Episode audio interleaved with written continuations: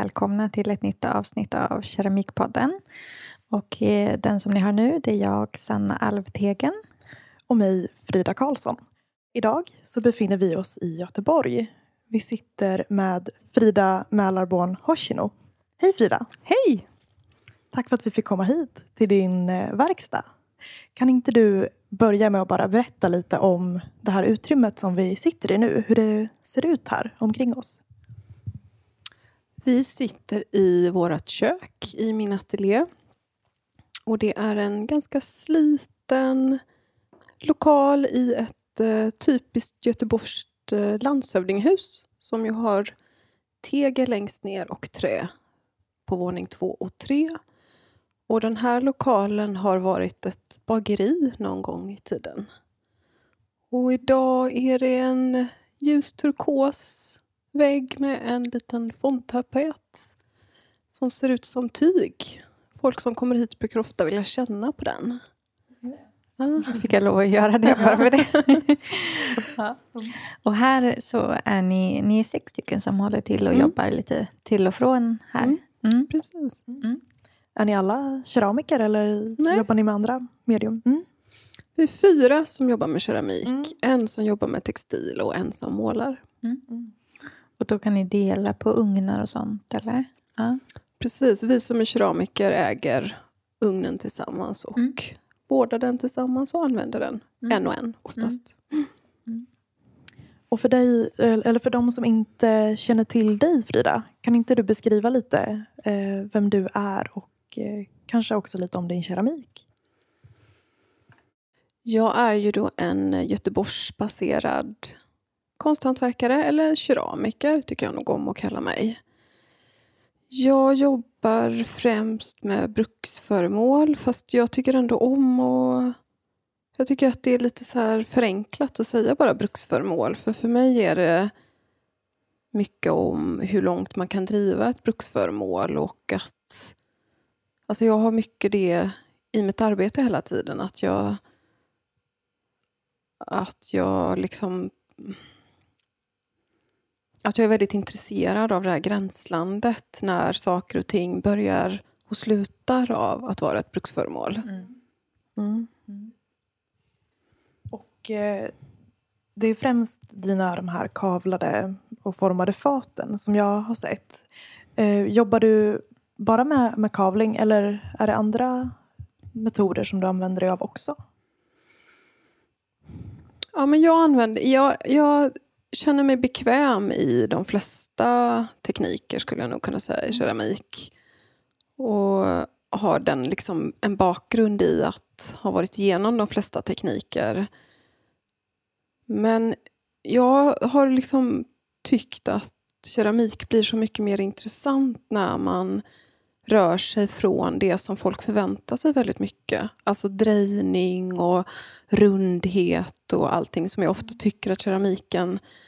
Det finns en förväntan av hur keramik ska vara. Och när jag upptäckte kavling så kände jag att det öppnades en ny värld för mig som jag tyckte var så spännande. Mm. Och sen så pressgjuter jag då kallas det. Så att jag kavlar på form kan man säga. Alltså det är en kombination av kavling och gjutning. Fast jag använder då plastisk lera, det vill säga lera i förpackning, inte flytande lera. Mm. Det kan man ju verkligen, när man tittar på just de här som vi pratar om nu, faten. Det kan man ju verkligen säga att var, var går, eller man kan verkligen diskutera var går gränsen mellan konst och bruks för det är ju, skulle jag säga, det är, det är ju konstverk om man tänker bildkonst på dem. Mm. Eh, och jag tänker att vi ska gå in lite mer på det, mm. hur, hur du gör, för det är jag jättenyfiken på. Mm. Eh, Verkligen. Men eh, om vi först går tillbaka lite i tiden. Hur har den här resan sett ut för dig? När, när var ditt första möte med, med keramiken eller materialet lera? Kan du minnas det? Ja, jag minns det ganska tydligt. Det var när jag gick på gymnasiet. Jag gick estetisk linje.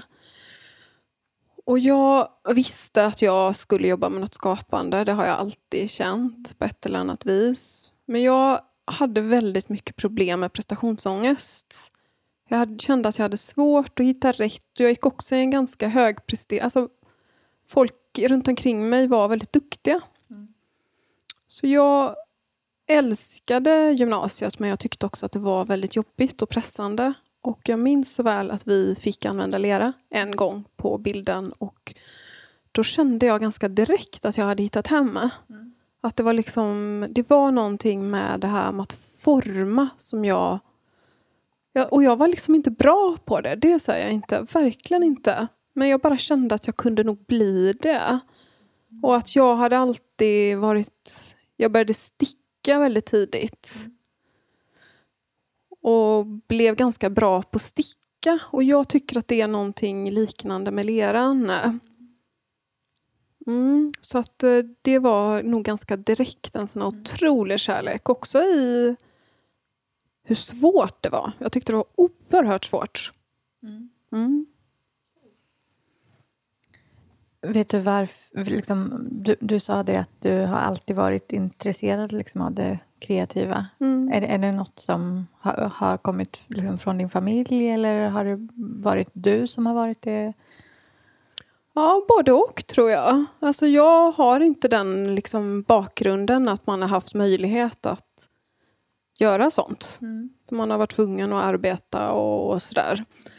Men alltså, jag kan ju se att jag har det. Min mormor var ju en helt... Jag skulle ju säga att hon var konstnär. Det var det enda hon gjorde. Det var ju att virkade blind i princip. Alltså, ja, men ni vet, allt, allt, allt. Och det har också varit en stark drivkraft i mitt arbete. Jag skrev mitt examensarbete om det här, just att allt det arbetet som kvinnor har utfört och som inte har uppskattats och fortfarande inte görs, det ser jag finns i min familj.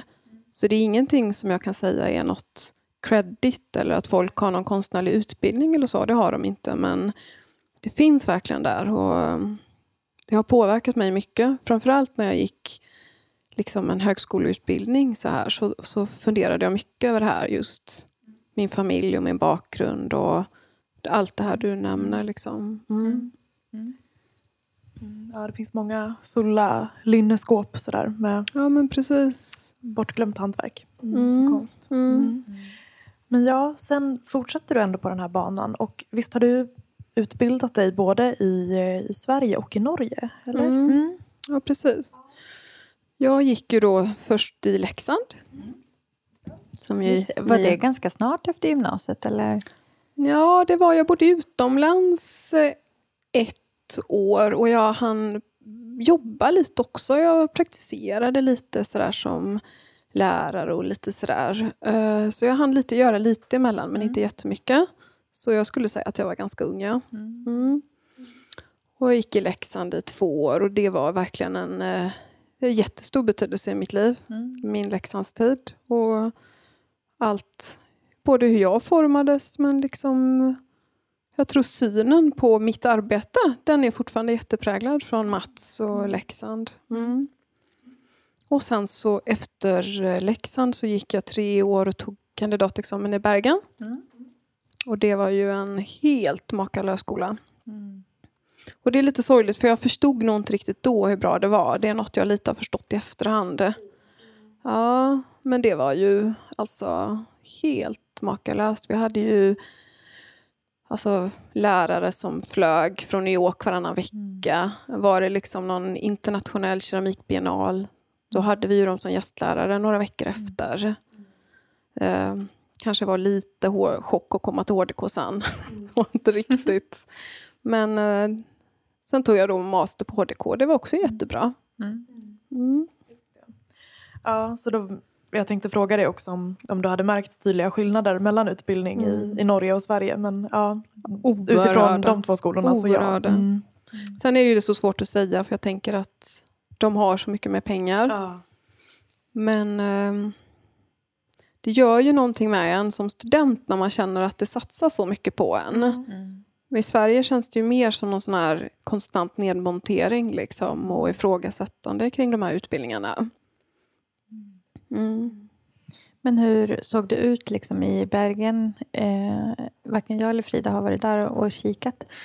Eh, har, då läste du inriktning keramik. Ja, precis. Keramikkonst. Keramikkonst. Ja. Och så har man en, en verkstad. Vad jag har förstått så, så kan man också jobba lite över liksom, de Mm. olika materialen. Nu du- är det ju ganska länge sedan jag utbildade Ah. mig. När i tiden är det här då? Eh, Jag gick ju i Bergen 2001 till 2004. Mm. Så det är ju snart 20 år sedan. Mm.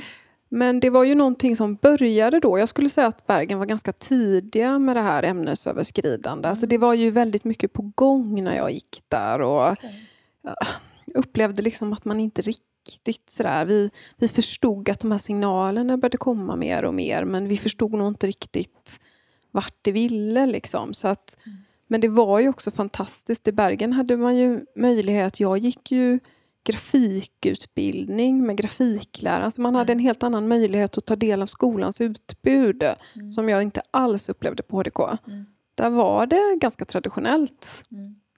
Mm. Ja, jag tror verkligen att det bara har blivit mer och mer Mm, så i, det i tror jag Bergen. också. Ja, Mm. nu är det väldigt... Och också mer Flytande. teoretiserat tror jag det har Mm. blivit i Bergen. Mm. Okej. Mm. Men anledningen till att du flyttade till Göteborg för att göra din master, var det lite, för du kommer från Göteborg, eller hur? Mm. Var det lite att du ville hemåt? Eller? Ja, men det var nog lite det. Jag Mm. kände att eh, alltså Bergen är långt bort. Mm. Jag hade bott utomlands ganska många år. Jag hade bott utomlands innan Leksand och så Leksand och Norge. Och, ja, jag började nog liksom inse att det fanns ett liv efter skolan och att det var ganska viktigt att vara lite taktisk. Att Mm. jag, jag visste att jag ville fortsätta jobba med det här. Mm. Och då tänkte jag att det var viktigt att få ett litet kontaktnät. Mm. Att se, så jag kände att jag var väldigt bortkopplad från Sverige. Mm. Så att någonstans så tror jag att man får göra ett val. Väljer man en magister i Norge så tror jag att det är svårare att komma till Sverige efteråt. Mm. Det går ju absolut. Mm. Så jag försökte nog vara lite taktisk där och tänka att det är nog bra Mm. att liksom finnas med i, i Sverige lite. Mm. Mm. Var det självklart för dig att du ville ta en magister? Ja, det Ja. var det nog faktiskt. Mm. Jag var väldigt naiv när jag utbildade mig. Alla Mm. år. Hur menar du då? Ja, Men jag liksom har alltid varit bara väldigt luststyrd. Mm. Jag reflekterade inte om så här, hur ska det här gå eller hur ska jag? Jag har bara tänkt jag ska. Mm. Och då har jag gjort det jag velat. Mm. Och så har jag tänkt att det får... Jag har inte sett någon annan väg för mig. Mm. Kanske det var det smartaste valet i, i efterhand. Eller svårt att... Det kanske har gynnat dig att du har varit, vågat vara luststyrd under Mm. alla år. Ja, men jag tror ju det. För att jag upplever att är man inte det så är man ganska utsliten när man är 45 och trött på det man gör. Och så känner inte jag. Mm. Mm.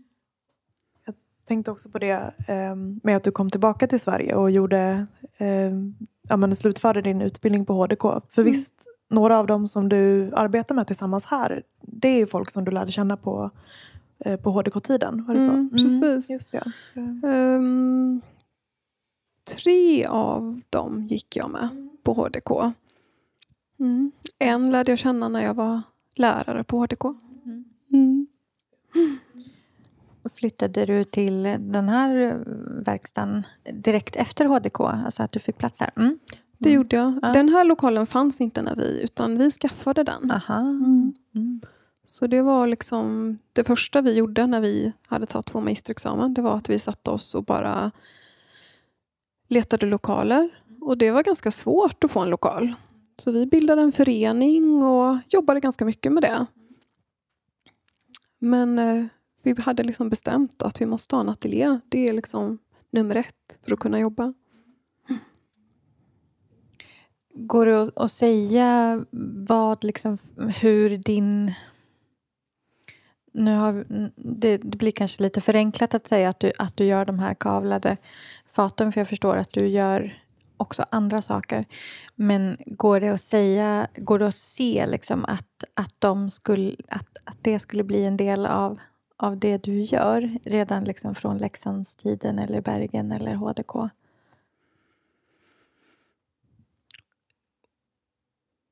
Mm. Åh, det var en stor fråga. Um. kanske. Jag måste tänka här lite.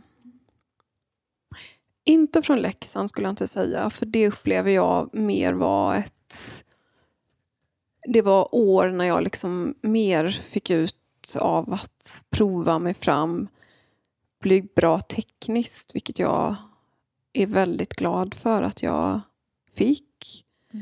Um, alltså jag tror att jag under alla mina utbildningsår var ganska flackig och jag vet att det var någonting som jag funderade, det, alltså det skavde i mig ganska mycket för att jag kände att jag var det. Och det har jag tänkt lite på det senaste. Att um, Det tror jag har lite med mognad att göra. Alltså jag, jag, var lite, jag, jag, kände liksom inte att det fanns något signum, det här har Frida gjort mm. när jag gick på skolorna. Och egentligen inte flera år efter skolan heller. Men nu känner jag att jag har hittat min röda tråd och att den mer att den finns där. Mm. Men jag tror också att jag behövt den här flackigheten för att hitta dit. Mm. Mer så, om, det, om du förstår mm. vad jag menar. Är det något som eh, kunde stressa dig att du kände att du var flackig? Mm, mycket. Mm. Mm. Kanske, jag tänker jag, jag och Frida som är ganska, ganska ändå nya, vi har ju gått skola två, tre år. Eh, jag, jag, kan känna igen mig i det där flackiga. Eh, det låter lite skönt att mm. ha de här årens perspektiv på att kunna se tillbaka och mm. eh, Ja, men att kunna se det, men också kanske att man behövde det mm. för att hitta. Ja, men jag tror det och att också att ens, det, är inte bara, det handlar ju inte bara om vad man själv gör. Alltså när man mognar fram ett arbete så handlar det också om att man ser så mycket som andra gör mm. och som man måste förhålla sig till. Och så är det ju nästan mer idag. Alltså jag tänker att ni är ju mer exponerade för det i att nyligen har gått ut en utbildning än vad jag var. Jag levde i en ganska skyddad bubbla där vi hade tidningar och böcker. Det var ju det vi såg. Det fanns ju inte internet. Mm. Mm. Så det är ju en sån enorm skillnad. Mm. Och jag upplevde det, så jag förstår om det kan vara ännu mer en sån känsla idag. Um. Jag tänker också på det här med, med flackigheten. Att det kanske också kan vara skönt sådär i efterhand att man inte för tidigt blev inplacerad i ett fack. Att mm. sådär, Frida hon gör såna här grejer. Mm. Eller liksom den mm. förväntningen som annars kanske kan vara Ja, och ja. få den lite för tidigt. Jag vet inte. Ja, men precis. Och det här med att ha... Jag kan ju inte lova att jag har jobbat så här om tio år. Det har jag ingen aning om. Och jag, det bryr jag mig kanske inte så mycket om. Men det är inte heller helt lätt att känna att man har hittat ett spår. Mm. För att det är också så här att den här tekniken som jag jobbar med, den var jag ju på något sätt inte först med eller Alltså det är ju en japansk teknik som har funnits hur länge som helst. Mm. Men den kom till mig ungefär 2014 började jag jobba med det här. Mm. Och sen kom det en väldigt uh, trend kring marmor, inredning som blev väldigt svår för mig när jag mm. jobbade ganska liknande. Men då var det en av mina kollegor här i min ateljé som sa att men då måste, för då kände jag att oj, måste jag lämna det här nu när det närmar sig mig? Och jag känner ju att jag har hittat något här. Och då sa David till mig, som han heter, att men då måste ju du istället stå kvar och hitta ännu mer. Alltså du mm. måste ju förankra dig i det här ännu mer. Mm. Och det är det jag menar lite att har du hittat en röd tråd så kommer du alltid komma till en punkt när någon annan närmar sig mm. eller samtiden närmar sig och då måste man klara att vara kvar i det. Mm. Det är inte helt lätt och det tror jag alla råkar ut för. Mm. Så att det är ju på något sätt att våga vara kvar i det man gör och fördjupa det. Det tycker jag är mm. oerhört intressant. Mm. Jag tycker att det finns flera keramiker i Sverige som är väldigt bra på det. Jag vet mm. inte om jag ska nämna något namn. Det får du göra ja, som du vill. Om du, om du vill. Ja, men jag tänker en del på Kina Björklunds tallrikar och mm. på hennes mönster. Jag tycker hon är ett sånt exempel på en person som har jobbat sig ner i någonting så på djupet. Mm. Där man fortfarande kan se spår av hennes gamla tallrikar i det hon gör. Men det är mm. inte det. Mm. Det tycker jag är jätteintressant. Ja. Mm. Alltså att man jobbar någonting så i grunden. Mm. Precis, inte svänga med varken emot eller med trenden kanske. Nej, Mm. och det är, liksom, det är lättare sagt än Mm, gjort. Verkligen. Ja. Den, den ängsligheten. Liksom. Men, Ja, men jag tror verkligen att det är jätteviktigt att man flackar i början. Jag tror inte att jag tror inte man hittar sitt egna uttryck annars. Det tror inte jag. Nu när vi är inne på det eh, lite med vad du gör, alltså de här... Jag vet inte, vad, vad kallar du kallar det? är som marmorering nästan. Eller det är som, det är som konstverk på... Tänker du på de mönstrade bitarna? Jag tänker på Ja. de mönstrade bitarna. Det är vad kallar en- du dem? Eller? Ja, alltså tekniken kallas ju nerikomi. Mm. Det är ju en japansk teknik som ju är... Alltså det har ju utforskats i alla tider, så det är ju inte på något sätt min teknik. Ehm, Det handlar ju om att man färgar in lera på olika sätt och sätter ihop leror. Och eh, jag torkar ju leran, eh, slammar upp den och så sätter jag till färgkroppar och sen så blir den ju plastisk igen. Och sen har jag då olika sätt där jag får fram mönster. Och eh, ganska länge jobbade jag ju mer med det här lite slumpmässigt där jag, där jag lät liksom kanske hela de här faten bli mönstrade och infärgade. Men nu jobbar jag mer med att jag liksom jobbar i fält och väldigt mycket med komposition. Att varje fat har en egen komposition som behöver stämma. Där eh, vissa mönsterpartier är väldigt intensiva. Vissa är väldigt blygsamma. Ehm, vissa är helt enfärgade. Men jag står väldigt mycket, i mitt arbete så står jag och tittar väldigt mycket på kompositionen och hur jag kan sätta ihop bitarna liksom, för att det ska bli en fungerande helhet. Och eh, vad var frågan, vad jag kallar dem? Väldigt spännande bara att höra om, Ja. om själva ja, Mm. processen. Liksom. Mm. Både det konstnärliga med komposition men också Mm. rent tekniskt. Att, Mm. ja.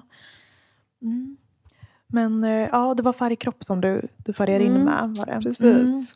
Men då måste jag fråga, för du gör inte så att du bara knådar in färgkropp i den vita leran utan du torkar leran och slammar den och så har du i färgkropp. Eh, och sen kan du blanda då den infärgade leran med en icke infärgad lera.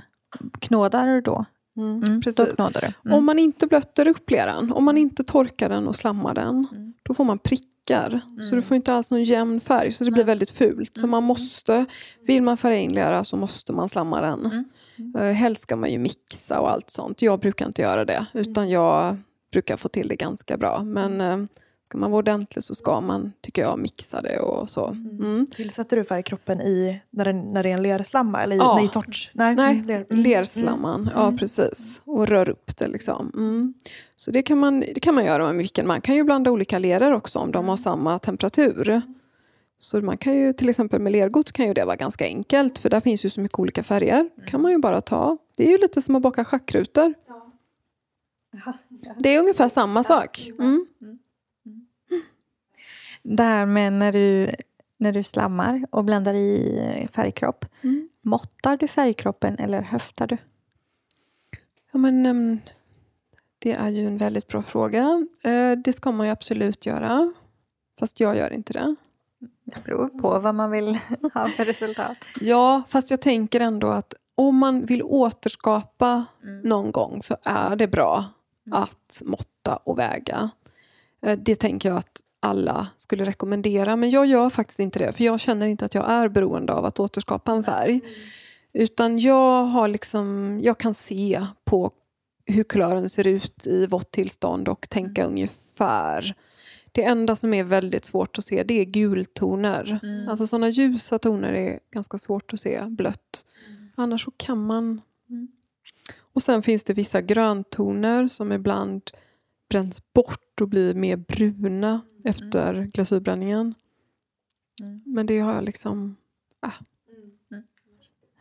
Och, och gör du då sen att du liksom förbereder de här olika delarna och sen sätter du ihop det till en, liksom den, den komposition du vill ha?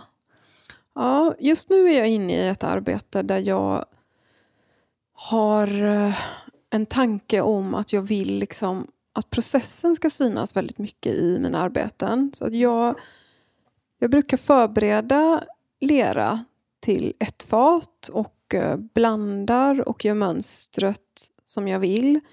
Men sen har jag börjat jobba mer och mer med att jag, den leran som blir över från det fatet, den bearbetar jag och tar in i nästa.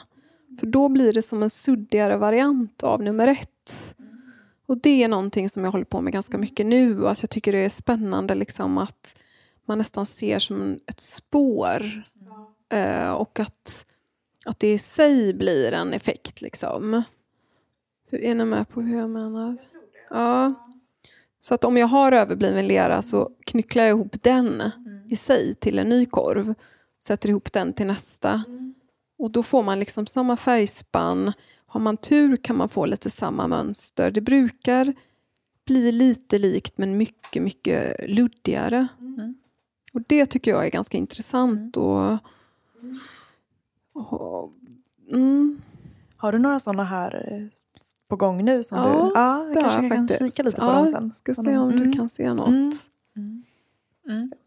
Spökfat av det första. Ja, precis. Mm, mm. Spökfat så säger man ju trycka. Det är, en bra, det är ett bra uttryck. Och jag har också börjat ta hand li- lite om de här små finaste kanterna jag skär av. Och de här nästan gör små nystan av det. Jag tycker att det är så himla vackert med liksom resterna.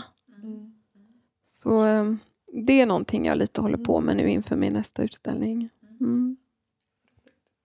För själva faten sen, då har du, du har gipsformer Mm. som du har gjort. Och sen kavlar du och, och lägger över. Mm. Du kallar det för svampform. Ja, precis. Var det svampform du sa? Ja, Ja, mm. precis. Med, eh, det är alltså så jag har blivit lärd, Mm, men jag är mm. inte säker på hur. det är nog inte det som står i gipsboken om man Nej. säger så. Nej.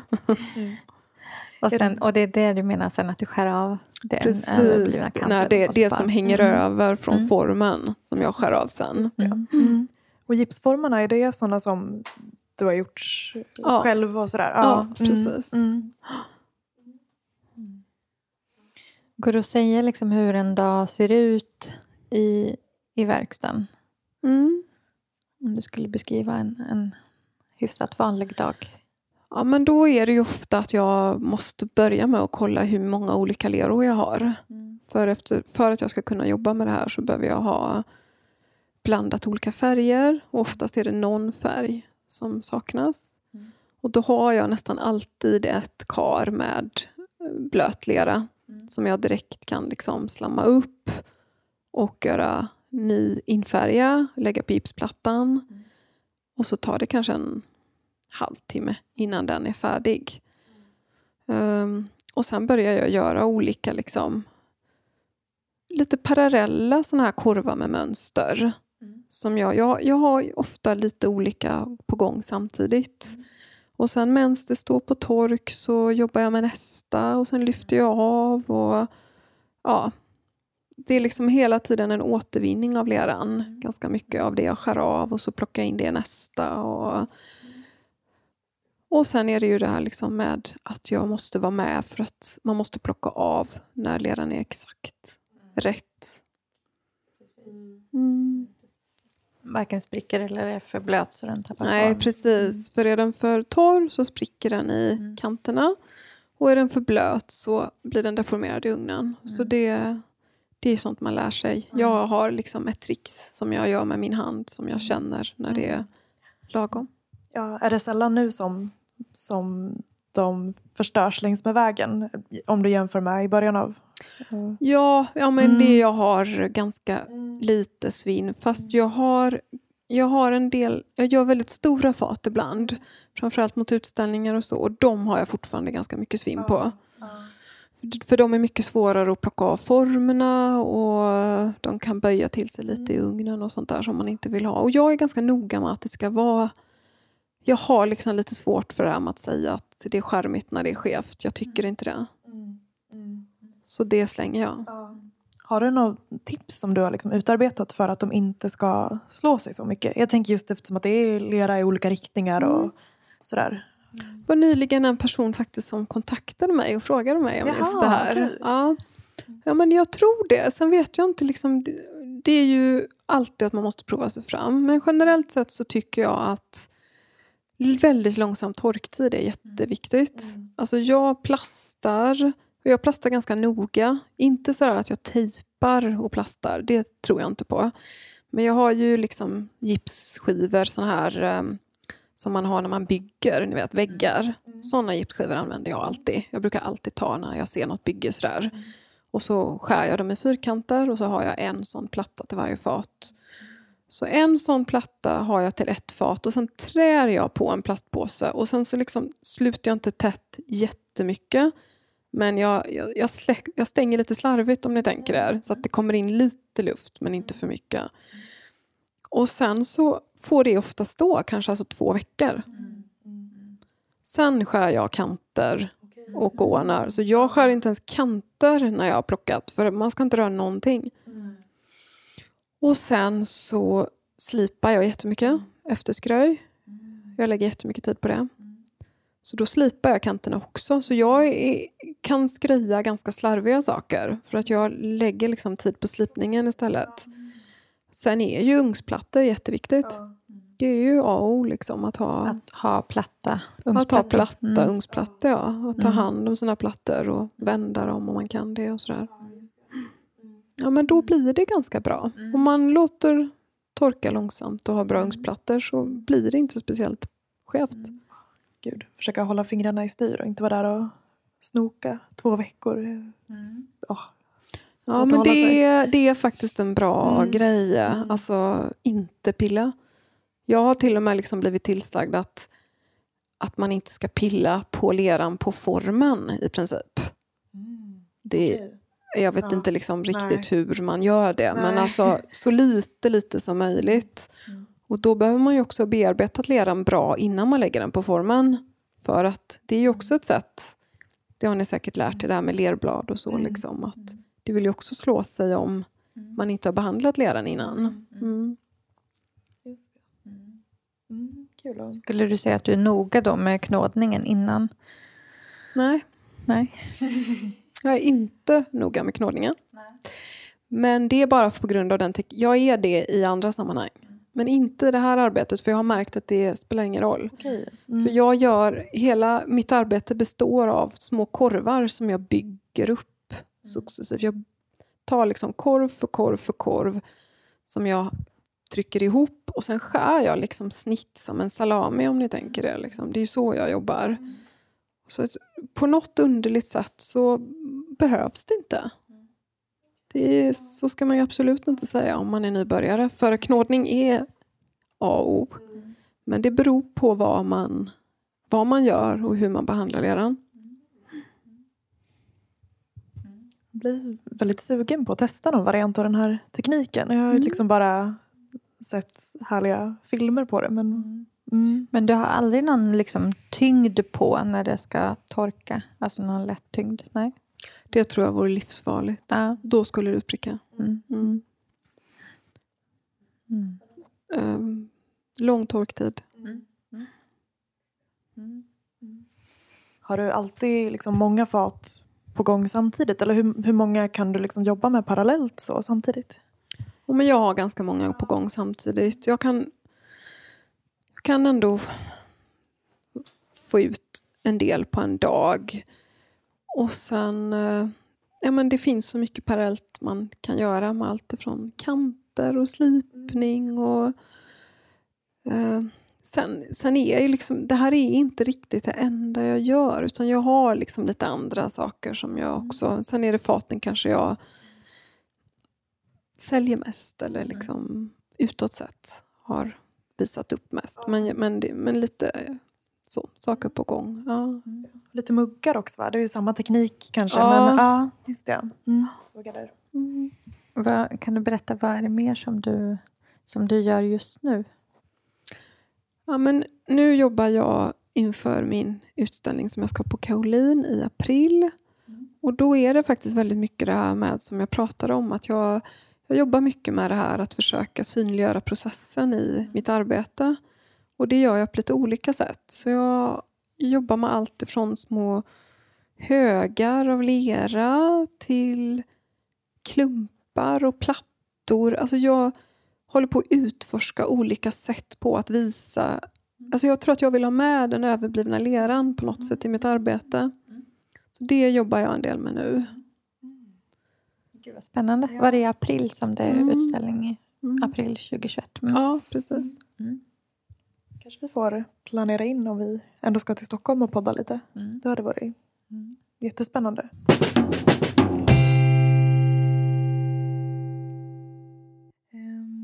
Ja, jag tänkte också fråga, är det så att du kan, kan leva hyfsat på din keramik eller har du något annat jobb sådär vid sidan av? Eller hur ser det Nej.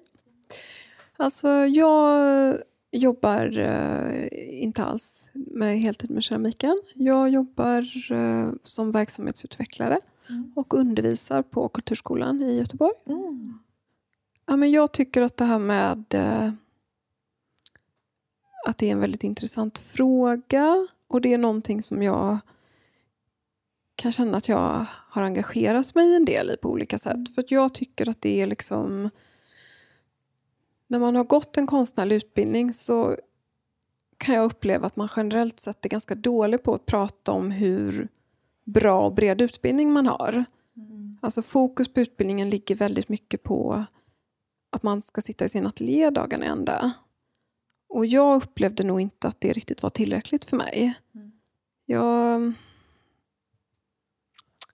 jag tycker liksom att mitt arbete är otroligt kopplat till min utbildning. Att jag tillämpar varje dag olika saker från min utbildning och att jag har nytta av mitt arbete i mitt konstnärskap och vice versa. Mm. Men jag vurmar lite för det där att prata om hur, hur mycket man kan göra av en konstnärlig utbildning Mm. och att, ehm, att det är så viktigt att prata om det tidigare.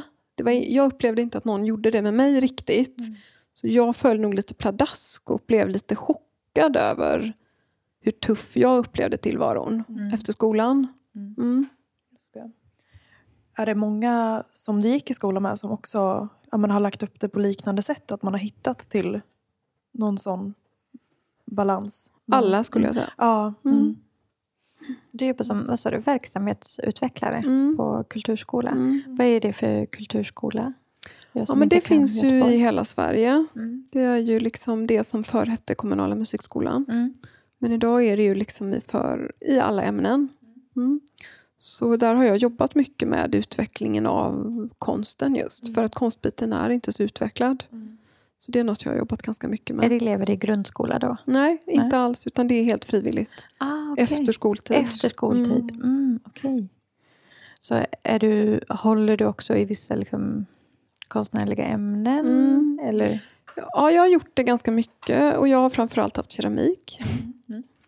Men det har jag faktiskt lämnat helt. För Mm. jag blev jättetrött på att undervisa i keramik. Mm. Så att eh, idag är jag i undervisning en dag i veckan. Mm. Då är det mer i fri konst kan Mm. man säga. Mm.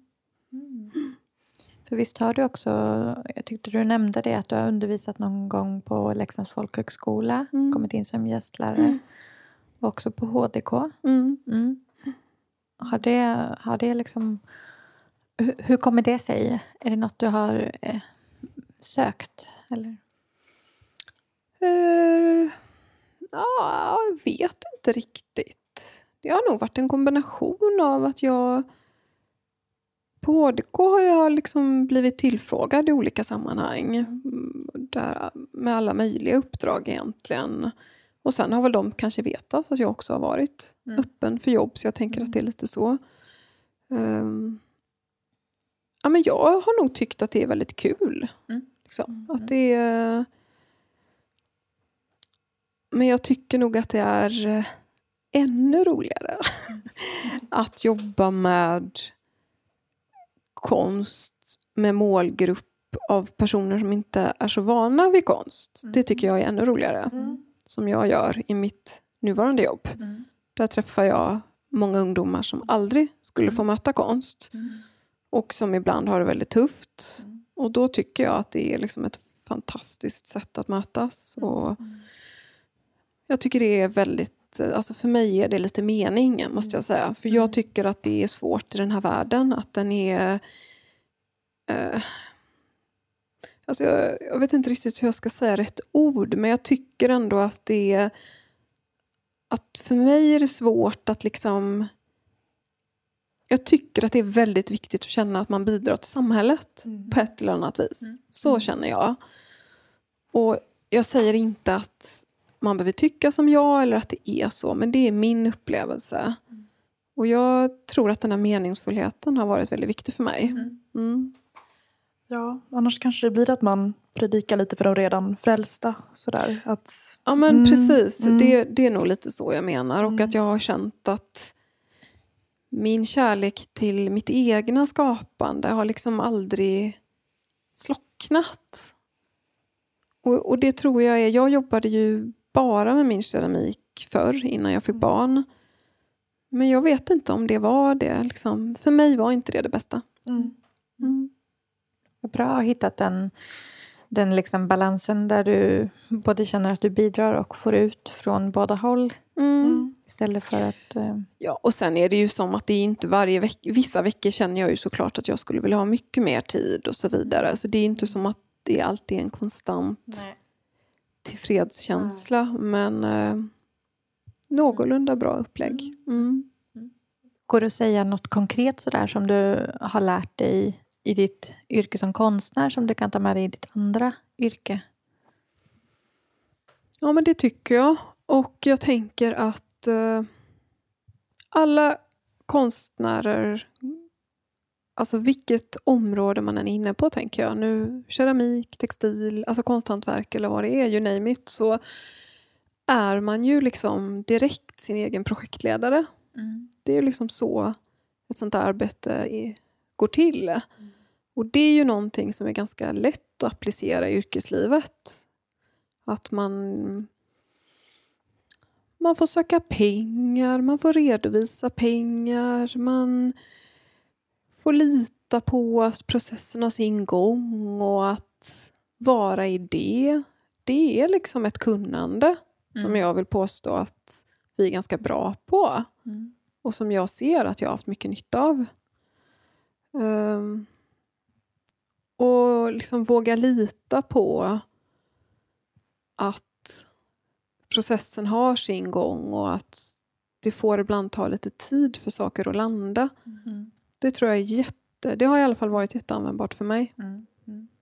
mm. Jag tänker som bara exemplet du tog nu, att du jobbar inför en utställning på Kaolin som är i april. Mm. Eh, för mig låter det som att ja, men det, är, det är ganska lång bit dit. Men du har säkert arbetat med det här ännu längre. Eh, och att liksom kunna jobba med en sån lång tidsspann mm. och veta att det ska liksom... Mm. Ja, men det är ju också en sån. Och jag tänker alla offentliga utsmyckningar ah. och alla de här liksom projekten. Vi, vi blir ju liksom lite sån här små företagare allihopa. Mm. Liksom. Och mm. det är ju någonting som man verkligen kan använda sig mm. av. Mm. Och kunna göra den liksom, budgeten för den här mm. offentliga gestaltningen. Och liksom, ja, verkligen. Ja, precis. Mm. Och jag tänker tvärtom också. Om, om ditt andra jobb kan tillföra ditt konstnärskap någonting. Kan man se det så också? Att det kan ge dig? Ja, framförallt tänker jag effektivitet. Mm. Alltså att när man inte har oändlig med tid så måste man vara ganska effektiv. Mm. Och man måste vara i ateljén tidigt. Mm. Alltså, och jag tror egentligen inte det handlar om om man har ett bredvidjobb eller inte. Jag tror att det handlar för alla att eh, man måste ha en bra självdisciplin mm. om det ska fungera. Mm. Kan det påverka någonting vad du, vad du liksom rent praktiskt gör i verkstaden när du har en annan försörjning också? Ja, absolut. Både faktiskt utifrån det här tänker jag. Jag tror nu när jag tänker på det att mycket av mitt kavlande startade utifrån att jag insåg att jag måste hitta ett arbetssätt som fungerar för vad jag har för tid och för intervall mellan mina dagar i verkstaden. Men sen också friheten. Att jag tycker att det är viktigt att tänka på att ett arbete kan också innebära frihet i sitt konstnärliga skapande. Mm.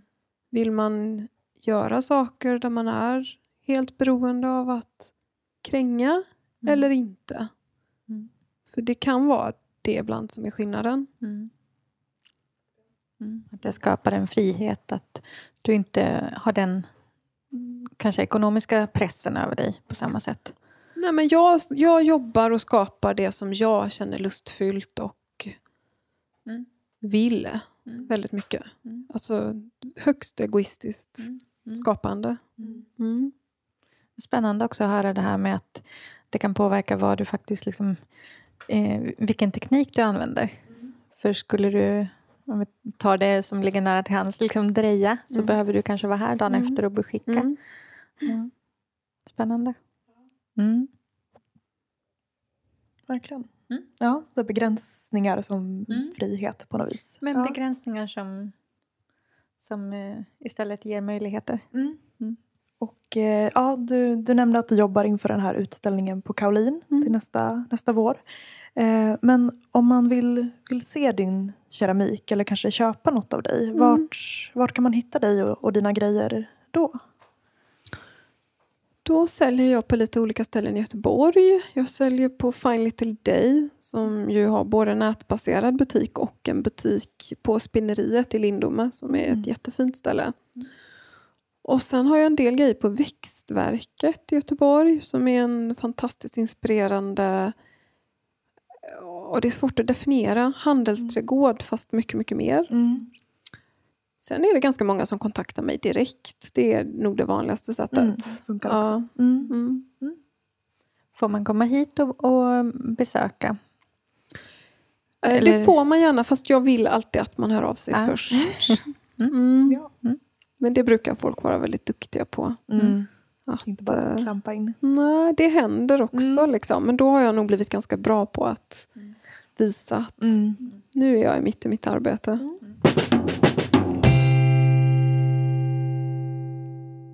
Ska vi gå in på lite korta frågor Mm. som vi brukar avsluta med?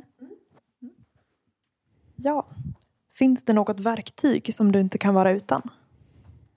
Ja, verkligen. Jag älskar väldigt vassa knivar och träpinnar, såna här ni vet modelleringspinnar som Mm. bara har en spets.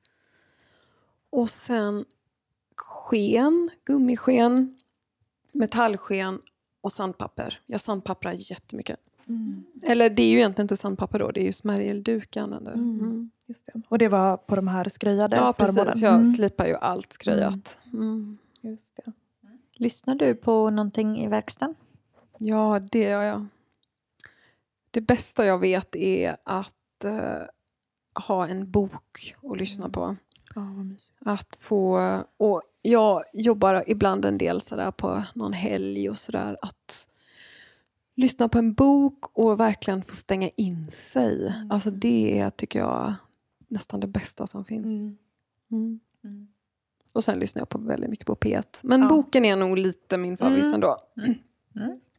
Eh, vilket är ditt favoritmoment i skapandet med Alera? Åh, det är ganska många. Mm.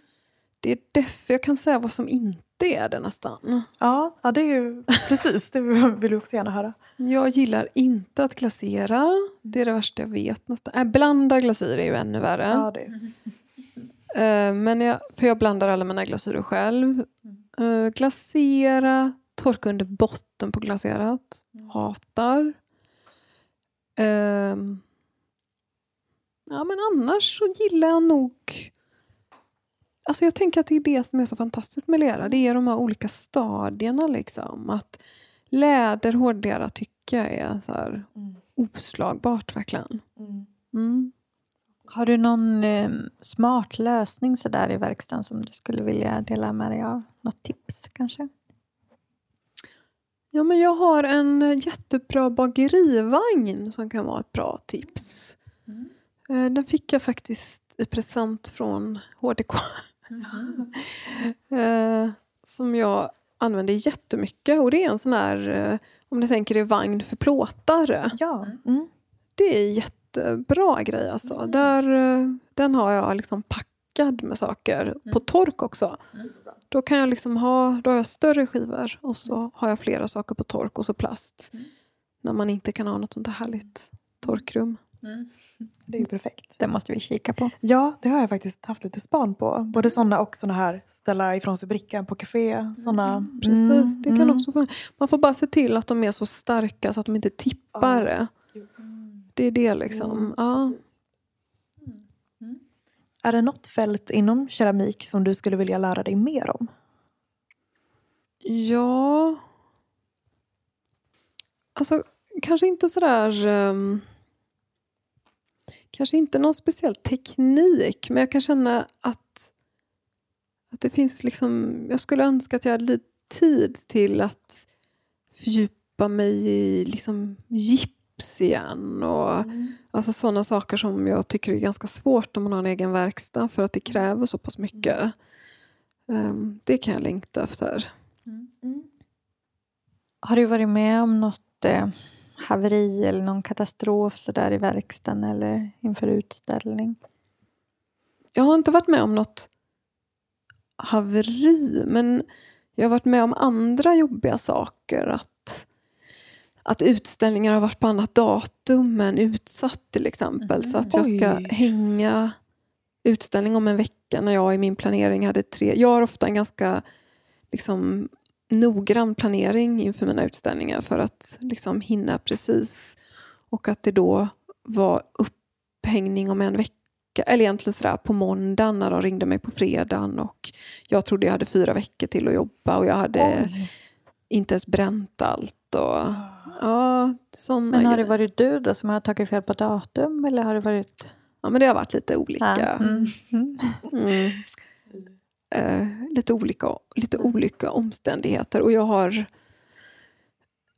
också, och det var ju mitt fel, men jag har en gång också dubbelbokat mig så att jag hade två utställningar samtidigt. Och det var ju så pinsamt när jag upptäckte det. Ja. Usch, man känner den här känslan. Kall i kroppen när man får telefonsamtalet. ja, verkligen. Men hur gjorde du då? Delade du, du liksom upp de verk du hade gjort? Eller? Du tänker där när jag skulle hänga på måndagen? Ja, men- Nej, när du hade dubbelbokat det. Nej, jag fick bara jag kontaktade ena Ja. stället och Ja. förklarade att jag är så oerhört ledsen. Ja. För det var, mitt, det var verkligen Mm. mitt fel. Mm. Men det är ju i de här utställningsansökningarna så är det ju tre års framförhållning Mm. i princip jämt. Mm. Så att när man söker utställningar så får man ju söka många. Eller så Mm. jobbar jag i alla fall. Att Mm. jag skickar till många. Och då kan det vara lite svårt att hålla isär allt. Så då lyckades jag ta. Och så får man lite svar. Så där kan du de dagarna, kan du den veckan. Mm. Vem eller vad får inte komma in i din verkstad?